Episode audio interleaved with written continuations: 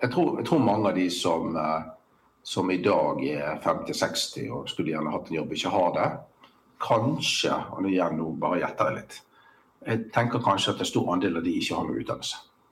De har begynt f.eks. For i forsikringsselskap en gang da de var unge, og så har de gått via kundeservice og kanskje liksom saksbehandler og sånn, og så har de liksom hele sin karriere innenfor kanskje bare en par arbeidsgivere. Ja, ok, du er bra i dag. Men saken er jo den at hvis jeg tar inn en 40-åring, så vil kanskje 40-åringen være her i 5-6-7 år. Hvis jeg tar inn deg, så vil jeg sannsynligvis ha en medarbeider som ikke lenger har valgmuligheter.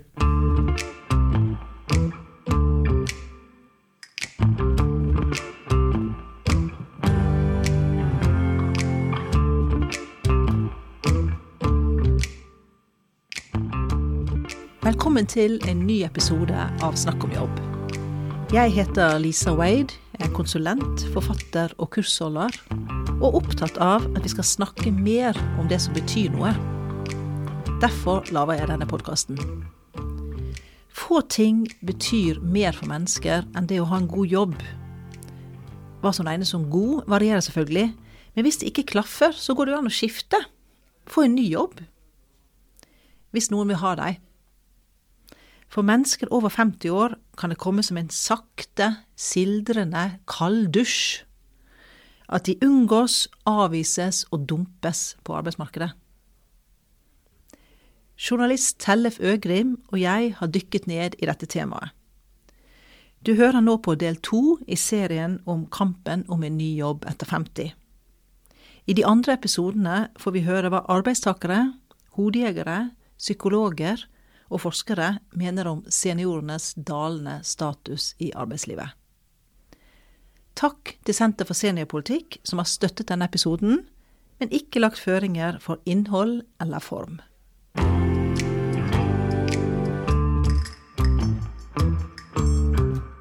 Lisa, du har snakket med en konserntjener. Ja, veldig kul tittel. Han er jo konsernleder, rett og slett, for en uh, større IT-bedrift. Miles. Ja, Flere hundre IT-konsulenter mm. i uh, flere norske byer. Veldig vellykket uh, selskap. Tom Georg Olsen heter han. Bergenser. Og du spurte han først om han ser på alder når han får søknader? Det er et ganske interessant spørsmål, egentlig. For vi hadde i ene datterselskapet vårt, Miles Bergen, så vi styremøte forrige uke. Og vi har en litt sånn ny modell for styremøter nå i dataselskapene, som gjør at styret møtes først to timer, og så inviterer vi inn hele administrasjonen i disse to siste timene. Og det får gi innsikt begge veier. Ehm, og i den diskusjonen vi hadde de siste to timene sammen med administrasjonen, så diskuterte vi dette med hvilke aldersgrupper rekrutterer vi mest ifra nå. Og, og, eh, vi gikk noen runder rundt på det. Men en av de tingene som altså Det er lett å tenke kompetanse. Sant? Eh, eh, men det som, som de ansattvalgte styremennene brakte inn, da, det var det at det er viktig at alle har noen kollegaer som er i samme livssituasjon.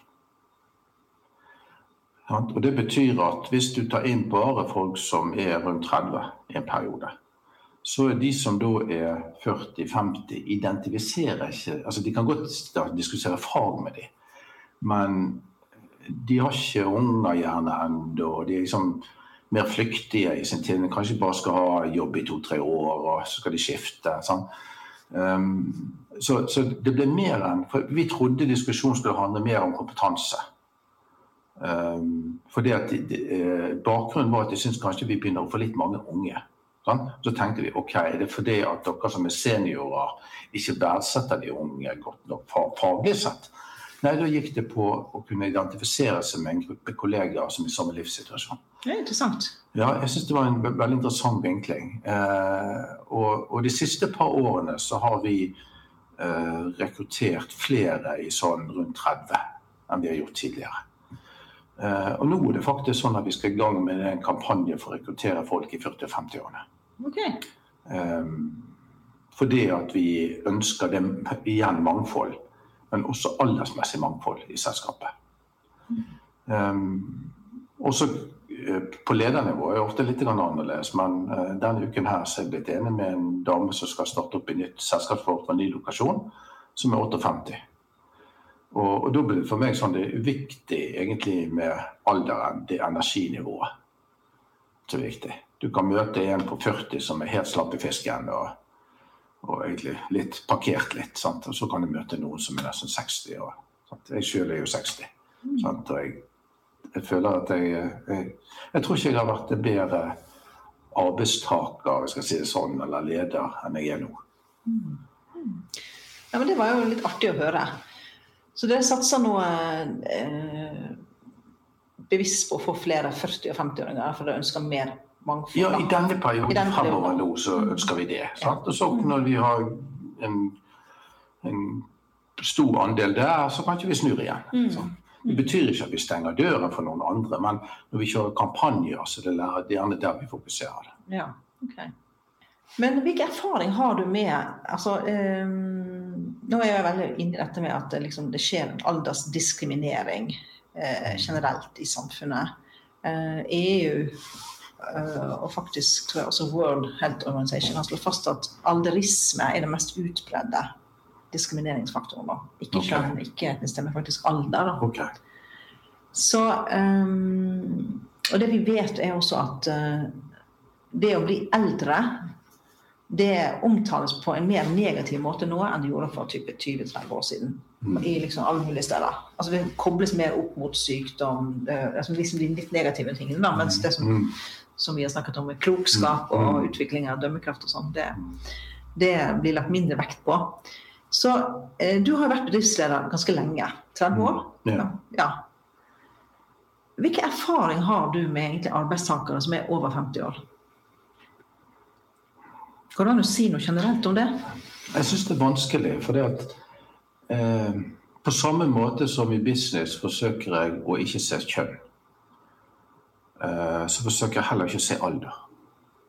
Det har noe med å, å eh, møte personer uten å har ha noen forutinntatte meninger om hva de tenker, hva de mener, hva de tror på, basert på det som man visuelt ser. Om det er kjønn eller alder eller hudfarge eller hva det er. Um, akkurat det med eldre synes jeg er grådig interessant. For det at, eh, hvis man ser på kulturelt eh, forskjellige steder i verden, så vet vi det at i, i Europa f.eks., eh, til dels USA, så har ikke eldre den samme statusen som yngre. Men hvis du går til Asia, Sør-Amerika, så vil du oppleve at de eldre er veldig viktige. Og de hadde, jeg tror det var Google som kjørte en sånn eh, undersøkelse eh, på tvers av kontinentene. På, hvis, for det, det var i forbindelse med selvkjørende biler. Ja? Hvis du kom i en situasjon, og det er jo liksom hypotetisk, da, men hvis du kom i en situasjon der du enten måtte kjøre ned et barn eller et eldre menneske, du ikke hadde noe valg, Det var, du måtte ta beslutning i løpet av noen få sekunder, hva ville du valgt? Og da var det sånn at i, i alle land i Europa så var, ville de valgt å kjøre på den eldre. I Asia, Sør-Amerika, ville de kjøre på barnet. Respekt for den eldre. Sånn. Frankrike var sånn midt imellom. Ok, interessant. Mm. Ja. Men, det, men, det, men, men jeg tror også det er noe med arbeidslivet å gjøre. I, i det vestlige arbeidslivet, da for å bruke det uttrykket, uh, så tror nok det at det kan være at ikke vi verdsetter nok eldre arbeidskraft. Mm. Um, Mm. men, jeg- men det er mer sånn overordnet tanke fra min side. Jeg har ikke opplevd i bedrifter. I vår, i vår bransje så er det sånn at, at mange av de som er, passerer 60, har veldig stor verdi fordi at de har en systemforståelse. Gjerne ute hos kundene der det er masse systemer, mye det som vi kaller for teknisk gjeld. Så kan de de systemene fra tidligere, altså teknologien rundt det. Eh, og så lenge de klarer å holde tritt med nyere teknologi i tillegg, så får de en en dobbel verdi. Så dere har eh, medarbeidere som er 60 pluss? Ja, Absolutt. ok. Jeg ville tenkt at IT-bransjen var en sånn ganske sånn tøff bransje for eh, seniore medarbeidere. mm. Men det du sier der, det er egentlig det motsatte. ja sett fra arbeidsgivers side så tenker jeg sånn. Men vi vet jo det at vi har folk som sluttet, som er i uh, 50-årene. Uh, og vi er jo et konsulentselskap ikke sant? og føler liksom at de må gå litt ned for landing, så vil gjerne gå til en av kundene våre og jobbe der. Da føler de liksom litt sånn grei. Der blir de da til de er ferdig. Mm. Okay. Um, selv om de sånn kognitivt forstår at det ikke er sånn. Altså, mm. De kunne vært konsulent, og de har verdi fremdeles. Mm. Men uh, la oss si safer litt. Grann. Ja. Ja. Mens andre ikke bryr seg. Nei. Ok. Forskning viser også at, at eldre arbeidstakere eh, enten tar mindre kurs og videreutdanning, eller får det. Mm. Klarer ikke skille mellom det, da. Mm. Eh, så, så um, har du noen kommentarer til det? Ja, altså det, det, er ganske transparent mot oss. for det at En av de tingene som er, vi driver jo en sånn tillitsbasert ledelse og stor grad av autonomi. Det betyr at alle de beslutninger som ligger nærmt den ansatte, sånn som f.eks. nå skal jeg kjøpe meg ny PC eller Mac, og nå skal jeg kjøpe meg ny mobil, og hvilke konferanser skal jeg dra på, når osv. Alle beslutninger tar de selv uten noe som helst lederinvolvering. Eh, og Dermed kan vi se også hva de velger uhjulpet. Og vi ser at om de er 60 pluss eller om de er 30, så drar de på samme konferansene. Ok, Så du ser ikke noen forskjell der? Nei, nei, nei. Så de er um, fremdeles like interessert i å lære og følge med. Og, ja. Ja, så jeg merker ingen forskjeller. Nei. Så du vil egentlig ikke nødt til å ansette en 60-åring? Du har nettopp ansatt en 58-åring, du er en leder, men du vil ikke nødt til å ansette en 60-åring heller, så lenge kompetansen og energien var til stede? Nei, ingen problem. Nei. Men, men det, det som jeg tror Jeg nevnte det med livssituasjonen. sant? Så du har på en måte tre faser, hvis jeg skal si det veldig forenklet. Det er den fasen før du etablerer deg. Før du starter familie og får hund og Volvo og alle disse tingene. Og barn, ikke minst. Og så er det en fase der eh, barna er enten veldig små eller tenåringer, og som krever oppfølging. Sant? Og kjøring og ene med den andre. Og så er det der på det tidspunktet hvor barna eh, klarer seg sjøl. Og vi ser at Den fasen imellom, det er der vi egentlig hvis jeg, hvis jeg skal være veldig sånn generell, det er der man bidrar minst til arbeidsgiver. Okay. For da har man mer enn nok på hjemmebane. Mm. Og vi skal ha en sånn work-life balance, mm. så, uh, så, må man respektere det. Men så kommer det igjen når ungene blir møtt med voksne. Da har de masse energi og jobber mye og lærer seg ting. så, så, Derfor er det viktig for oss å ha egentlig alle de tre dimensjonene inne. Ja. Og de unge de er jo veldig uredde. Ferske, går gjerne og holder foredrag på konferanser og litt sånn, ja, uredd. Uh, og driver mange mot denne faglige utviklingsselskapet, mens de som da er i den etableringsfasen med barn og alt sånt, ikke har det overskuddet kanskje til å gjøre det. Nei, så de henger... Ja, så alle, alle disse her uh, grupperingene, om vi skal kalle det, eller fasene, har sin verdi for selskapet. Jeg syns det er veldig interessant det du sier om uh, at man må, treffe, man må, ha noen som er på samme, i samme liksom, interessesfære, og egentlig da ofte alder. da. Eller livssituasjoner. Ja, livssituasjoner. Mm. Så, um, men um, det er dessverre et faktum at folk sliter med å få seg jobb over 50. Så er, nok, så er bildet nyansert. Mm. Det er unntak. Eh, det er forskjell på bransjer og litt sånne ting, men sånn generelt så ser vi det at eh, folk sliter. Og vi tror også, det er min lille hypotese, da, jeg tror også at fordi at en del tror de ikke vil få seg jobb, mm. blir værende i den jobben de har, blir kanskje litt lei. Mm. Fordi de har vært en stund. Har egentlig vært bra med litt skifte. Ja. Men enten de våger ikke eller gjør ikke det, og så blir det værende. Og da blir de kanskje litt grinte. Mm. Det kan jo mange bli. når man ja. ikke ja, Det er litt sånn ond sirkel. Det blir litt sånn ond sirkel. Jeg kaller det for brakkvann. Det er kanskje feil uttrykk. Men i alle fall at man verner der. Og da kan du forstå arbeidsgivere som ønsker å uh, ansette yngre og positive. hvis det er sant, sant, liksom der. Men, men, jeg tror at du mm. uh, hvis, hvis, man et øyeblikk skal tenke på hvor skal man plassere skylden, sånn, så tenker jeg at det ligger et stort ansvar på arbeidstaker. For hvis du, hvis du tenker det at uh, jeg tror, jeg tror, mange av de som, eh, som i dag er 50-60 og skulle gjerne hatt en jobb, ikke har det. Kanskje, og igjen nå bare gjetter jeg litt, jeg tenker kanskje at en stor andel av de ikke har noe utdannelse. De har begynt f.eks. For i forsikringsselskap en gang da de var unge, og så har de gått via kundeservice og kanskje liksom saksbehandler og sånn, og så har de liksom hele sin karriere innenfor kanskje bare en par arbeidsgivere. Og hvis de da kommer til en situasjon der det blir f.eks. nedbemanning, og selv ikke tatt initiativ til å holde, følge med hva som skjer utenfor, bygge kompetansen din, ta kurs osv., så, videre, så får du kanskje litt som fortjent. Så kan du si men det er dumt fordi at de gjør en kjempegod jobb der de er. Ja, men vi må aldri frata arbeidstakere selv. At vi selv passer på at vår kompetanse er relevant. Det betyr å følge litt med hva som skjer der ute. Om det er noe ESG, altså bærekraftting, som du har til eller har interesse for å oppdatere det på, eller om det må være økonomi, eller hva det måtte være. Men du har selvstendig ansvar. Og jeg synes Mye av den debatten som går, handler mye om at arbeidsgivere må bli flinkere til å se deres verdi. Ja, men det er også med arbeidstaker må fremme sin verdi.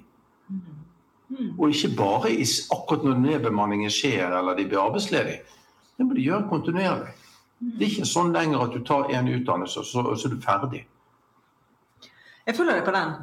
Uh, og det du sier der, er også det som noen av hodejegerne sier. er Akkurat det samme. Mm. Uh, men så har vi også hørt argumenter som at mener energien blir lavere. At folk over 50 har liksom hytte her og der og går mm. ferie. Mm. Ja. Og egentlig slapper av mindre innstilt på å yte det lille ekstra. Eh, eh, kanskje er dette fordom, kanskje det ikke er fordom, men iallfall så mm. påvirker det da arbeidsgiveres um, åpenhet til å kalle folk inn på intervju.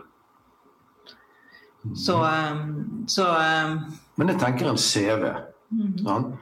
Når jeg leser en CV og nesten uansett hva alder de har. Hvis de, hvis de, er godt voksne, så i vår bransje så vil vi se først og fremst på hvilke teknologier jobber de med. Hva de er kjent med. Sant? Det sier noe om deres markedsverdi. Altså på vi vet hva kundene våre trenger.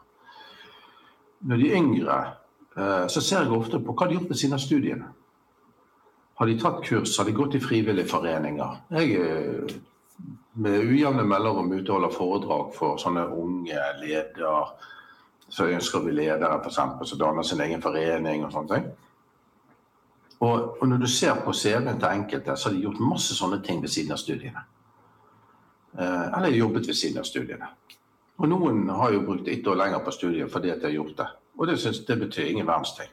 Det er mer sånn at de har, viser forskjellig interesse, lærer seg forskjellige ting og tar ansvar. Så jeg tror det også handler om det å og hvis du har gjort det Mange glemmer det, for de har ikke laget en CV kanskje på 20 år. Ja? Og så skal de ut i arbeidsmarkedet. Så får de de, tror de får hjelp av Nav og alt sånt. Det er sikkert kjempedyktige rådgivere der som hjelper dem. Men, men, det er noe med å få frem alle de aspektene også. Da. Ja. Og hvis du, hvis du, har en mistanke om at arbeidsgiveren syns du ser litt uh, lav ut på energi, vel, så må du skrive i søknaden eller i CV-en, ta frem ting som eventuelt motbeviser det. Men hvis du er lav på energi, så tenker jeg som arbeidsgiver så vil jeg ha inn en som er lav på energi. Nei, har, jeg, har jeg lenger stillinger eller sånn som, som, er greit nok for en med lav energi, f.eks.? Ikke at jeg ikke respekterer de menneskene, men, men uh, i Norge så har vi heller ikke en sånne minste, eller vi har sånne minstelønnsterskel. Så jeg kan ikke ta de inn bare for å være hyggelig heller. Sånn. Så det er jo, de er jo, like, de er jo like dyre som de som har energi. Det er jo det. Det må man jo Og noen mener jo at tempoet blir så høyt at eh, det Men eh, det er jo en utfordring for samfunnet også at um, altså Jeg bare prøver å finne ut hva er det som gjør at Men er, er det en utfordring for samfunnet i Norge at vi har det så godt at vi ikke trenger å anstrenge oss mer? Ja, altså jeg lurer Ja, det, det er Så jeg lurer på et par ting, da. Jeg lurer på om uh,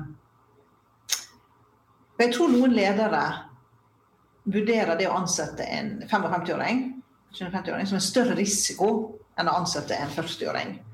Og Grunnen er at hvis 55-åringen ikke fungerer, mm -hmm. eller du ønsker å gjøre en eller annen mhm. endring mm -hmm. tre år, da er 55-åringen blitt 58, mm -hmm. og da får ikke han eller hun seg ny jobb et annet sted tenker ja. kanskje arbeidsgiver. Ja. Mens 40-åringen er på full fart ut eh, et annet sted. Altså det. Ja. Så da tenker jeg okay, det er mindre risikabelt å ansette Vi tar ikke disse ti referansene, kanskje. Så mindre risikabelt å ansette 40-åringen. Mm. Ja.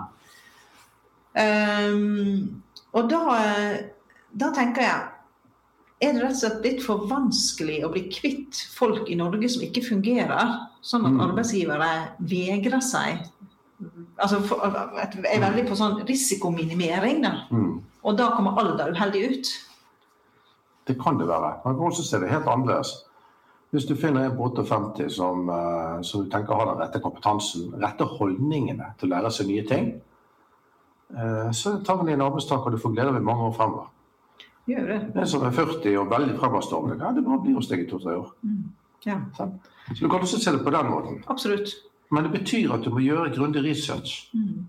Du må glemme om de er 40 eller 58. Du må se på hvilken person er det jeg møter. Ja. Og en som er 58 og har lyst i hvert fall til å gi jernet til de 70, da har en arbeidstaker i 12 år. Det er mye lenger enn det som er gjennomsnittlig arbeidsforhold. Det er jo det. Men hvorfor er det så få arbeidsgivere som tenker sånn? For det er det. Ja, det, det- vet jeg ikke. Jeg, jeg vet ikke om det er få, egentlig. Um, det vet du du har med mer om. Um, nei, jeg vet ikke. Men innenfor offentlige er det litt sånn innsikt. Og der er jo sånn man flytter rundt på folk som ikke fungerer. Sant? Og man er livredd for å få inn en som ikke fungerer. Og kanskje man til og med er nødt til å gjøre det fordi at det var noen omplasseringer, om det er noen kommune eller fylkeskommune. Sånn. fylkeskommune. Um, så der er det kanskje for rigid igjen. Altså for vanskelig. Og dermed for lett å falle ned på fordi du føler deg sikker på at du i hvert fall har jobb. Om ikke annet så flytter de med på en, en annen institusjon eller Ja, en en annen skole eller hva det måtte være. Ja, tilbake til det du mente, at vi på en måte har det for godt, liksom. At Ja. vi ikke hører å forsøke Ja. ordentlig ja. Vi lever jo generelt i en sånn ungdomsfiksert kultur. Mm. Du ser jo veldig godt ut, forresten. Takk. Ikke sant? Så, men vi lever jo i en veldig ungdomsfiksert kultur. Mm. Og når folk eh, blir eldre, eh, så ser man kanskje ikke så fresh og opplagt ut som 30-åringer.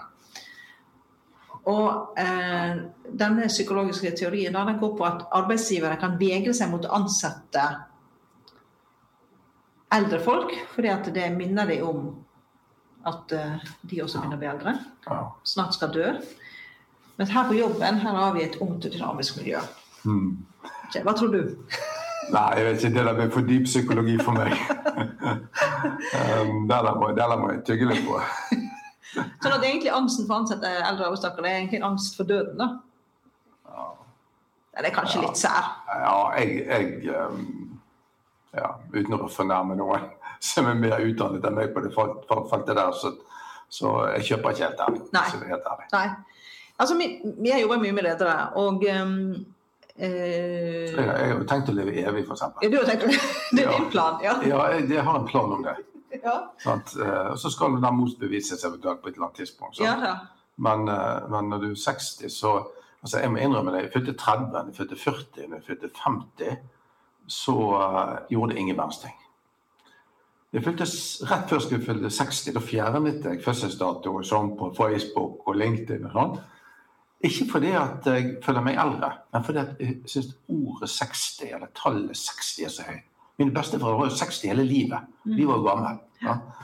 Eh, Så, så jeg tror tallet kan skremme litt. for fordi at vi vet at når vi passerer 60, så er det jo det tiåret du skal pensjonere deg. normalt sett. Men jeg tror vi er nødt til å tenke annerledes. Jeg tror vi er nødt til å tenke at noen av oss skal jobbe veldig lenge. Ja.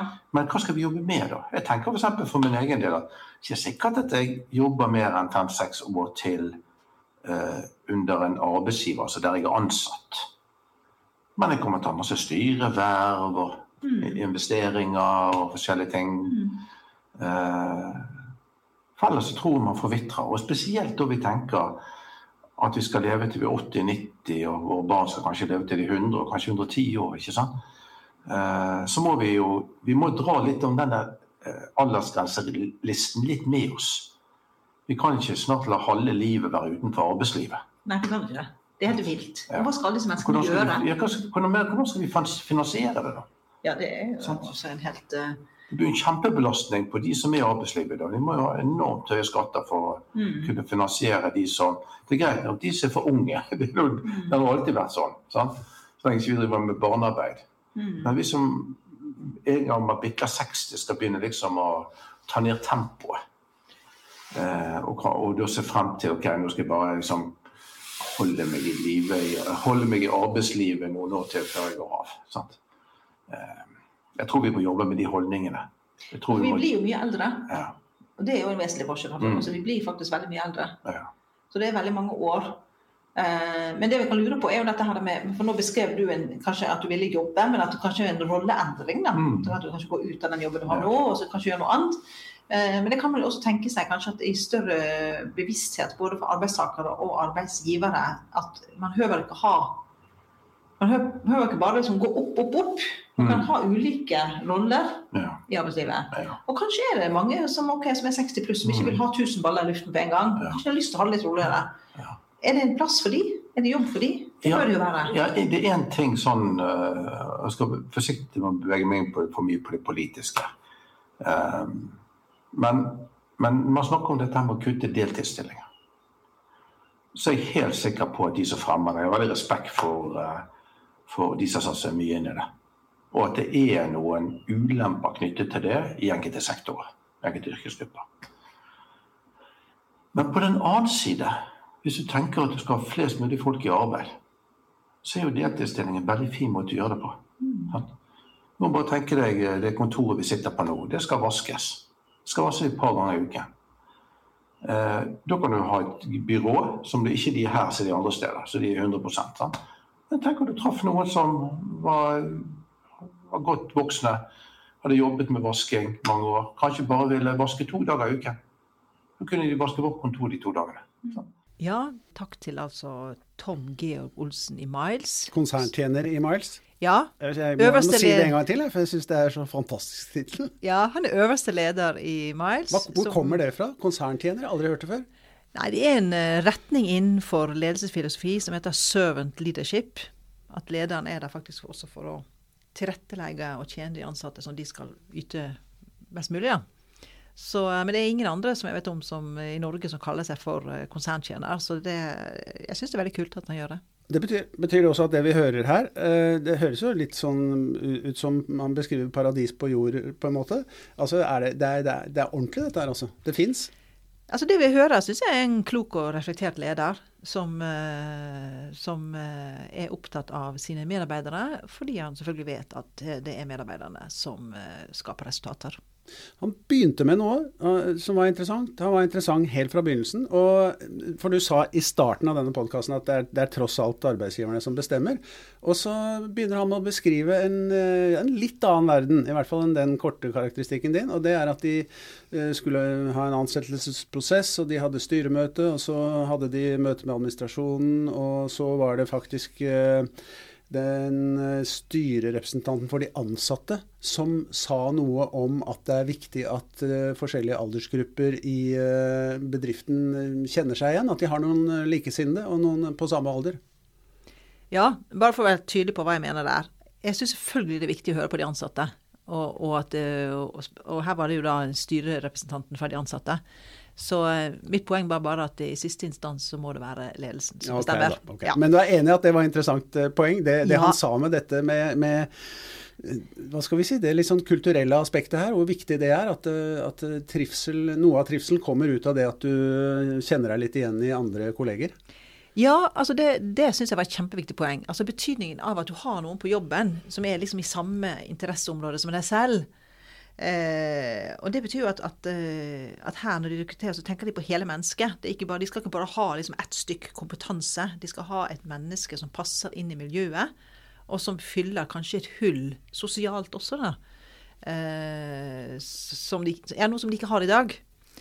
Eh, og det tenker jeg også, det betyr også at eh, konsekvensen er jo at eh, altså hvis senior arbeidstakere da slutter, eller eh, presses ut, eller ikke rekrutteres, så vil det ha en effekt utover den enkelte personen der. For det vil føre til at flere arbeidstakere slutter, og færre vil begynne. Fordi at de finner ikke noen likesinnede. Tenker jeg. Ja, det, det, høres, det høres veldig bra ut. Jeg, jeg har lyst til å spørre om du, om du mener at, at eh, denne bedriften og denne mm, sjefen, eller altså ikke sjef, men konserntjener, sier det igjen, eh, om, om han er representativ for norske ledere? Um, jeg syns han er en god del mer hakk reflekterte, reflektert enn en mange ledere. Det syns jeg han er, altså. Um, så jeg tror faktisk ikke de fleste er så bevisst på betydningen av kultur og sammensetningen av team som, som Tom Georg Olsen er. Hva, er, hva, tror du? Nei, altså Bare rent sånn i, i, tall, da, så er han jo, hører han til Så er han ikke representativ. Fordi det er en veldig stor bedrift dette her. Det er vel 200, rundt 200 IT-konsulenter. Og hvis du ser på statistikken fra Statistisk sentralbyrå, så er bedriftene som har mellom 100 og 250 ansatte utgjør 0,5% av norske virksomheter. Ja, det er et viktig poeng. For vi har jo lett for å tenke at, at eh, liksom, norsk arbeidsliv det er liksom Equinor og Telenor og de store bedriftene. Og det er det jo også. Men de langt fleste arbeidsstedene i Norge det er jo små bedrifter. Men veldig mange jobber da i de store bedriftene. Det gjør de. Det gjør, det gjør de. de. Så de blir eh, påvirket av dette som, som, høres eh, tidvis eh, nesten litt fantastisk ut, syns jeg, som, som, som, Olsen forteller om her. Um, Hva tenker du på da? Nei, jeg, jeg, jeg tenker på det, det, som du er inne på, dette hensynet til Eller, eller hvor, um, hvordan det er hvordan det er et krav en, for en bedriftsleder som er opptatt av, eller som er ansvarlig for at bedriften går godt, da, som du er inne på, eh, at de tjener penger. Eh, hvor viktig i den ligningen det er at eh, folk trives og stiller opp for hverandre og, og har det gøy, ikke minst, som, det, som, de også sier. I hvert fall på nettsiden sin. Ja, og, når det gjelder eldre arbeidstakere, hvis eldre arbeidstakere opplever at andre som er i samme livssituasjon eller interesse Hva kalte han det for? Han kalte det for uh, ja, i hvert fall, La oss kalle det livssituasjoner. Så cirka, uh, hvis de opplever at uh, kolleger slutter og forsvinner, så det blir liksom de den eneste igjen da, som er over 60, så tror jeg nok at det, det, vil føre til at man kanskje tenker at OK, kanskje jeg skal ta denne AFP også, og gå av.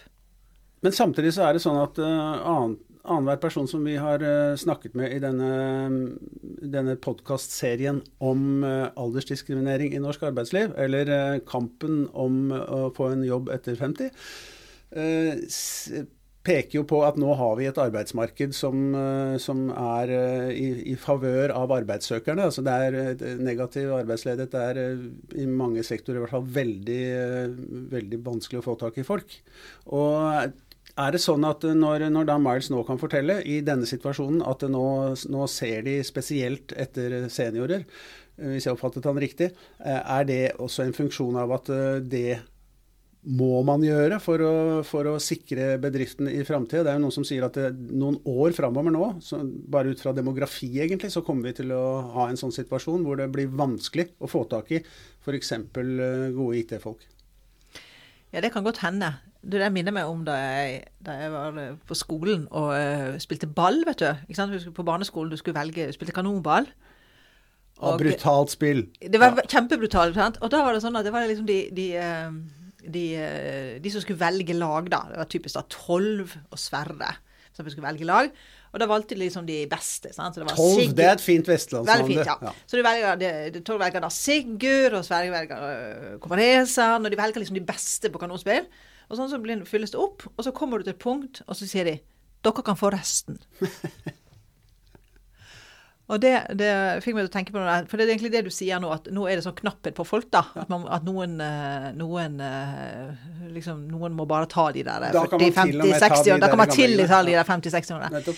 Men det er egentlig ikke det Olsen sier, hvis du, hør, hvis du hørte etter. For det han sa faktisk var jo at, at Du antyder at jeg ikke hører etter her, så jeg skjønner. Okay, Pekingen her oppe. Beklager det. Fortsett. fortsett. Ja, nei, det han sier er jo at faktisk eldre arbeidstakere kan ha en dobbeltverdi.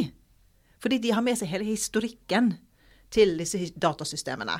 Eh, som f.eks. mange gamle datasystemer, banker og sånn. ikke sant? Så de har med seg den historikken. Og hvis de i tillegg da har klart å tilegne seg det nye, så sitter de på en dobbeltverdi som gjør at de faktisk er mer verdt enn uh, en de unge. Og, men han er også inne på dette her med at det, uh, han poengterer jo det at man må jo faktisk ha uh, å kunne dokumentere både interesse for, for samfunnet rundt. CV-en skal inneholde det du har drevet med av eh, frivillig arbeid f.eks. Du skal dokumentere at du har, eh, har, eh, vist et ønske om å oppdatere kompetansen din og gå på kurs osv. De tingene må du argumentere spesielt for. For hvis det ser ut som du har han bruker uttrykket parkert, så daler sjansene. Så han, som mange andre vi snakker om, er, er også veldig opptatt av uh, ansvaret som, som, arbeidssøkerne må ta. Ja, og det syns jeg er helt uh, essensielt. Det må vi gjøre, rett og slett. Arbeidstakerne må ta ansvar.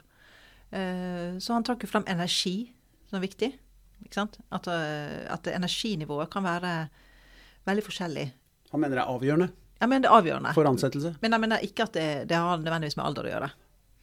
Eh, så, så, jeg syns også det var interessant at han beskrev disse, en arbeidstakers på en måte eh, De tre fasene.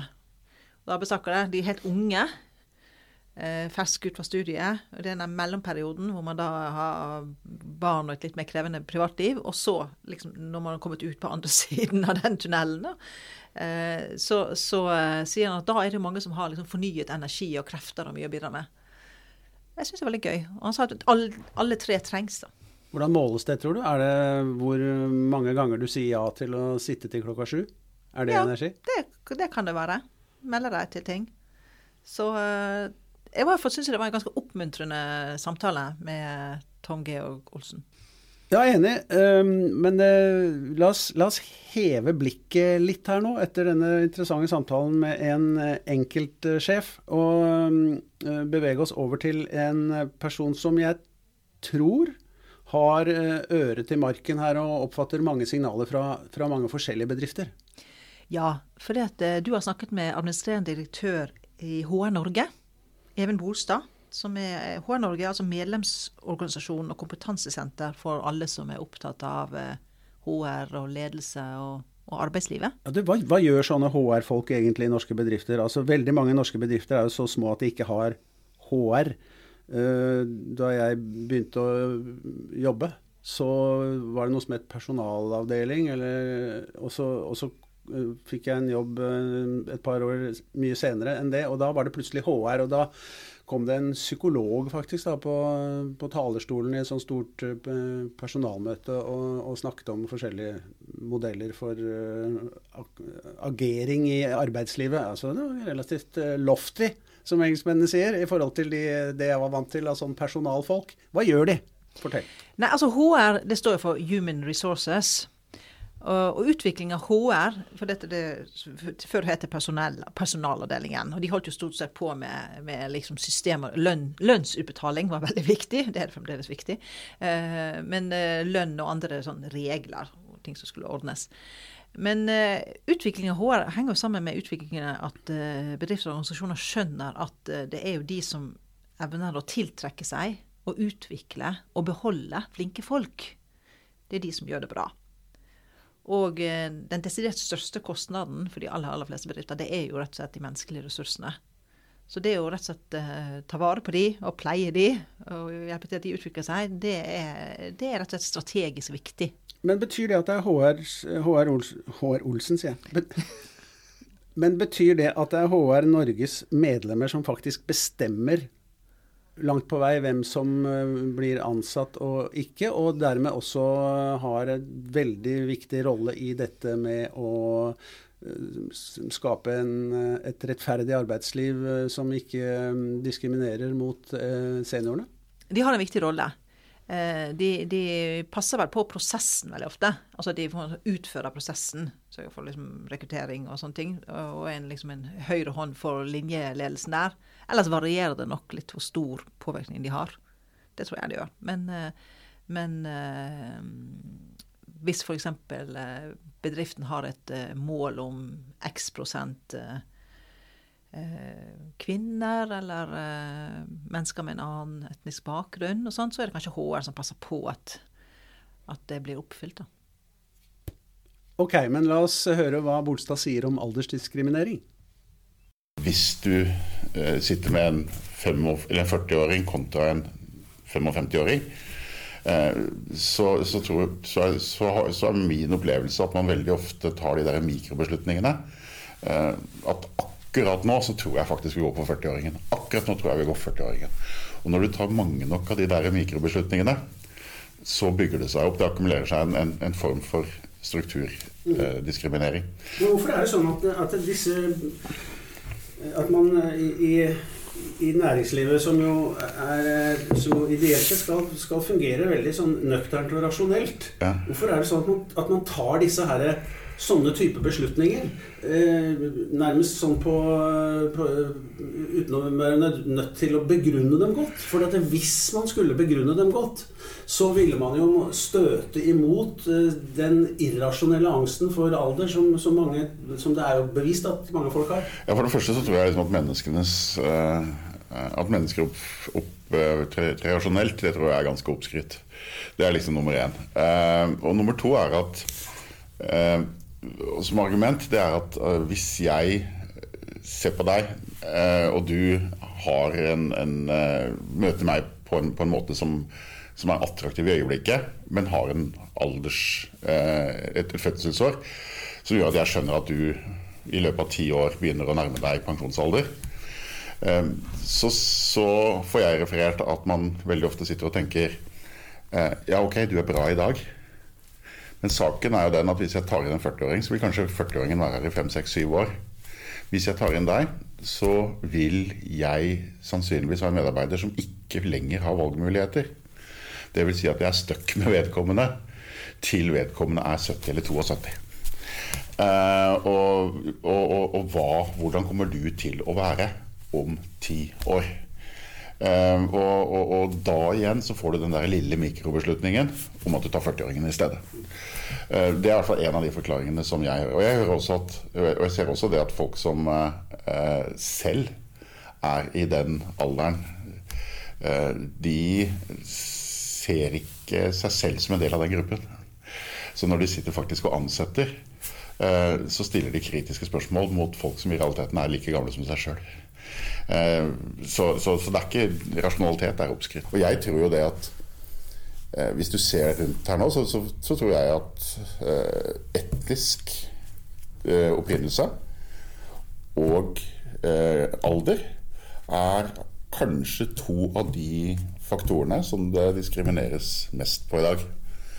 Um, og, og, det er jo ikke nødvendigvis de som trekkes fram mest i uh, media. Ja. Så, og så viser jo også undersøkelser at, eh, at du har En ting er oppfatningene, altså oppfatningene som du bekjenner deg til. Mm. Og det andre er de oppfatningene som styrer dine avgjørelser. Og det er ganske viktig i dette her sånn. Og det er kanskje også en del av grunnen til at du, når du får en spørreskjema eller en, blir ringt opp, så vet du så fordømt godt hva som er riktig svar. Eh, og, og, og du, du, du, svarer og, og responderer politisk korrekt. Og så går du bak på kontoret, og så agerer du på en annen måte.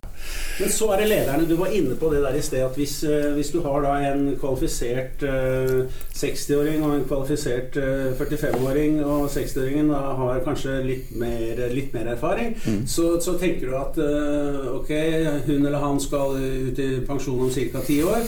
Og i løpet av de ti årene så, så, så, minsker denne personens sjanse for å flytte på seg i arbeidslivet. Og, og kanskje endrer bedriften seg i, i, retning bort fra denne persons kompetanse. Eller personen blir litt mindre entusiastisk, og, og no, noen av oss blir noe litt negative osv. Noe kan skje. Men, men da, er, da, har jeg følgende spørsmål, og det er er norske ledere så feige at de ikke kan at de ikke tenker Eller hva, hva, er det som ligger bak det at de ikke tenker Ok, men uh, min oppgave er jo å ha løpende Uh, kommunikasjon med mine medarbeidere og, og, snakke karriere med dem til enhver tid. Og, og snakke hvordan passer vi sammen, hva, hvordan jobber vi sammen. Og jeg mener, Om noen blir sløve en, av en eller annen grunn i, i, i, en alder av 46 eller 66, jeg mener det kan skje begge, begge deler, så er det på en måte lederens oppgave da, å, å ta de, denne tyren med hornene og, og fikse det. Ja, og jeg, jeg, jeg, skjønner hva du sier, jeg skjønner hvorfor du sier det. Og så tenker jeg at en 46-åring, hvis det skjærer seg, kan du få videre.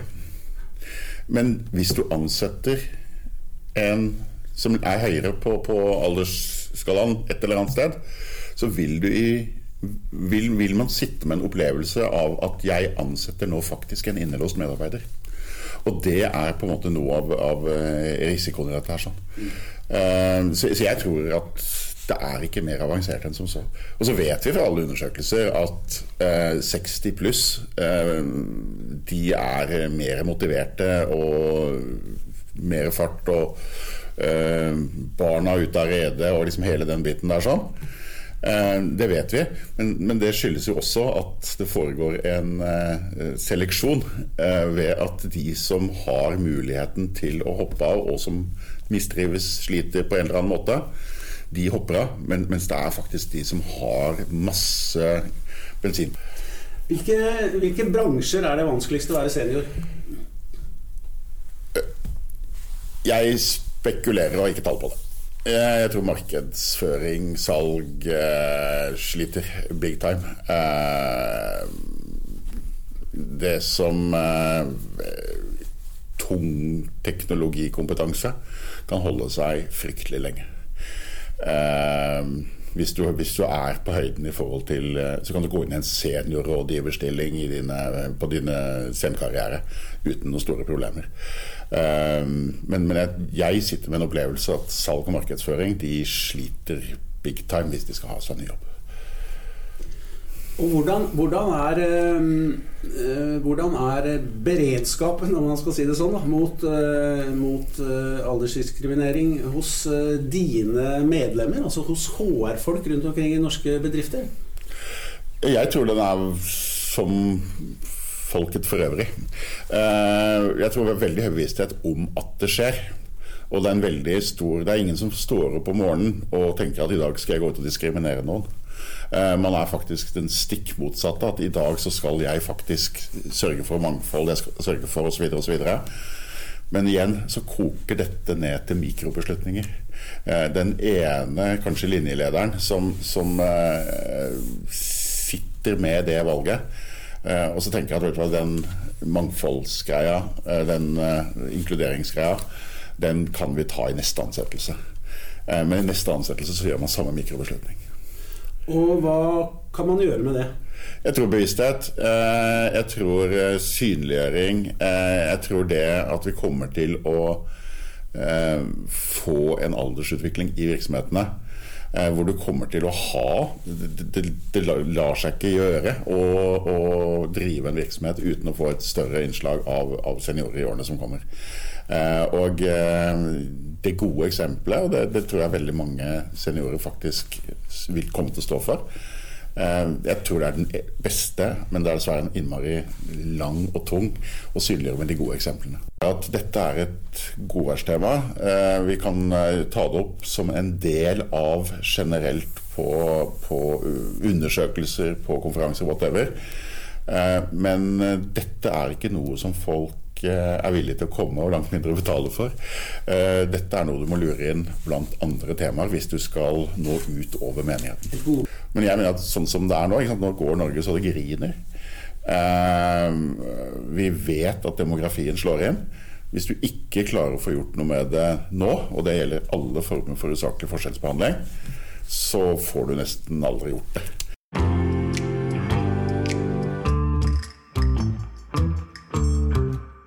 Har du tatt noen mikrobeslutninger i det siste, Wade? Jeg syns jeg tar mikrobeslutninger hele tiden. Jeg tok en liten sjokoladebit nå. Ja, Men den sto plassert der, rett foran snuta di da du passerte resepsjonen her nede. Men du vet hva mange sånne mikrobeslutninger betyr for livet igjen? Du hadde egentlig eh, bestemt deg for akkurat hvor eh, mye sukker du skulle spise denne måneden, og så kom det der. Mm. Ja, nettopp. Nei, men det er sånn som It adds up. It adds up. Og det er litt av det Bolstad sier òg, At man har eh, noen ideelle fordringer om dette, og man vet hvilke holdninger man bør ha. Og så kommer man fram til å velge mellom disse to eh, kandidatene, og så tenker man at ja, ja, jeg skal, eh, jeg skal tenke mangfold ved neste korsvei. Og så tar man en mikrobeslutning. Ja, og det henger jo sammen med at eh, den lederen som skal ansette, tenker jo på sitt team. Og det må fungere. Og da, er det det alle, og da tenker han med de fordommene han eller hun kanskje har, da.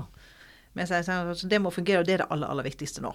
Og så får dette her med mangfold og dette med eldre arbeidstakere og hensyn til det, det får, får komme siden. Det får noen andre ordne seg med. Når vi, når vi så langt har snakket i denne podkasten om, eh, om, disse ansettelsene, så har vi egentlig Eh, føler jeg, vært, vært på den banehalvdelen hvor det, hvor, hvor, um, hvor det, finnes store bedrifter, institusjoner, virksomheter, offentlige, private, og hvor det er uh, mye prosesser, og hvor det er mye kompetent HR, for den saks skyld. Uh, og det er liksom et innslaget av rasjonelle vurderinger. De driver sikkert med Big Five-test osv., og, så videre, og det er mye sånne ting. Men, men hvis du ser på alle de norske småbedriftene rundt omkring. da. Tusener på tusen av dem. 500 000 bedrifter i Norge, de fleste små. Så, så, så har de jo ikke de prosessene. Uh, ikke sant? Det er, det er ikke så proft. Jeg har selv, uh, selv, vært med på både, egentlig både ansette og bli ansatt i prosesser som, som i lys av mye av det vi diskuterer, er, for å si det mildt, helt latterlige. Altså helt uh, irrasjonelle, preget av, bare preget av synsing og kjemi og jeg husker en ansettelse på han, eh, han sjefen for denne relativt sånn eh, store, kjente bedriften hadde jo, hadde jo ikke lest CV-en min. For jeg så jo at den lå i mappa bak ryggen hans, og han hadde så lyst på en øl den fredag ettermiddagen at han, han Jeg prata meg rundt hele CV-en, og han fikk, oppdaget ikke at der sto det en del ting Du lurte deg til en jobb, rett og slett? altså, han, han, jeg, jeg, jeg, var fast bestemt på å skape god stemning. Jeg god, skapte god stemning. Han fikk snakke mye om det han var opptatt av, og han snakket veldig mye om det han var opptatt av. Og til slutt så sa han å ja, og så begynte du med det. Altså underforstått det som vi skal gjøre her på bedriften. Og da sa jeg Jeg sa nei. Jeg har egentlig bare jobbet med det som ligner litt. Men du fikk jobben? Ja, for da snudde han Mens jeg svarte, så snudde han seg rundt. Kanskje han var litt uh, sliten allerede på det tidspunktet, og tok den mappa mi, som jeg kjente godt igjen. Uh, men han åpna ikke mappa og tok ut CV-en, han la den i grunnen bare fra seg. For da var han så godt fornøyd over svaret han ikke fikk. Og jeg mumlet ikke noe bevisst, jeg, jeg lover. Så jeg, jeg bare, dette er en lang privat historie, men altså det, det, jeg tror det fortsatt er sånn at det er veldig mye synsing og irrasjon, som vi også var inne på i denne samtalen med Bolstad, at det er mye sånne irrasjonelle ting som foregår i ansettelser i kongeriket Norge. Ja, det er det, altså. Og det er, det, er dessverre en del uprofesjonalitet både i store og mindre organisasjoner, det er bedrifter. Og det vi vet med mindre, er jo at de har eh, De gjør det jo sjeldnere. Så det er klart at de får mindre, mindre trening i det. Men uh, hjertet mitt banker jo spesielt for mindre bedrifter. Og Norge vi er jo helt avhengig av at uh, arbeidsgivere, at folk våger å satse og ansette mennesker. Ikke sant? Det en, og det er jo en risikosport. Eh, så jeg regner med at han lederen du henviser til der, han hadde Det var ikke hans egne midler han her risikerte. Ikke sant? For hvis du tar en feilansettelse, og du eier bedriften selv, da, så vet du at dette kan koste deg veldig dyrt.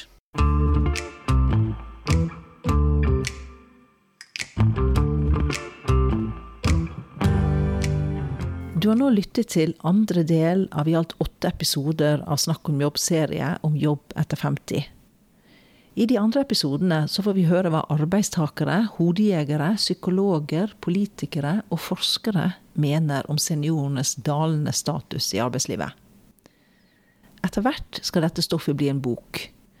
Hvis du er enig eller uenig i noe av det du hører, eller bare har en historie du gjerne vil fortelle meg, så er du velkommen til å ta kontakt på LinkedIn eller via hjemmesiden min lisawade.no. Jeg er takknemlig for alle innspill. For Norge trenger nemlig all den arbeidskraften vi kan hoste opp. Og din verdi som arbeidssøker bør handle om noe mye mer enn din alder. Noen har CV-er som ser ut som de er fra 90-tallets World Perfect. Her skal vi gifte oss med en person nå skal vi rekruttere, og dette gjør vi, dette gjør vi for evigheten. Det tror jeg mange tenker. Har dere ansatte over 60 år? Ja. Dere, er dere fornøyd med dem? Ja. Har dere tenkt å ansette nye? Ja. Har dere tenkt å ansette nye over 60 år? Nei. Hvis du søker stillinger som helt åpenbart passer for 26-åringer, så kan jeg tenke meg at det blir krevende. Akkurat nå er jo arbeidsmarkedet slik at det er arbeidstakers marked. Det er jo veldig veldig etterspørsel etter folk. Jeg tror du stiller eh, bak når startskuddet går, så stiller du bak jo eldre du er. I hvert fall hvis du er over 50-55 år. Få med deg neste episode. Da skal vi eh, snakke med dyr i åpenbaringen. Eller hva, Lisa? Altså hodejegerne, rekruttererne. En skikkelig maktfaktor i norsk arbeidsliv. Jeg tror du ikke at de eh, har noen innrømmelser å komme med? Jeg tror ikke det er den gruppen som innrømmer mest.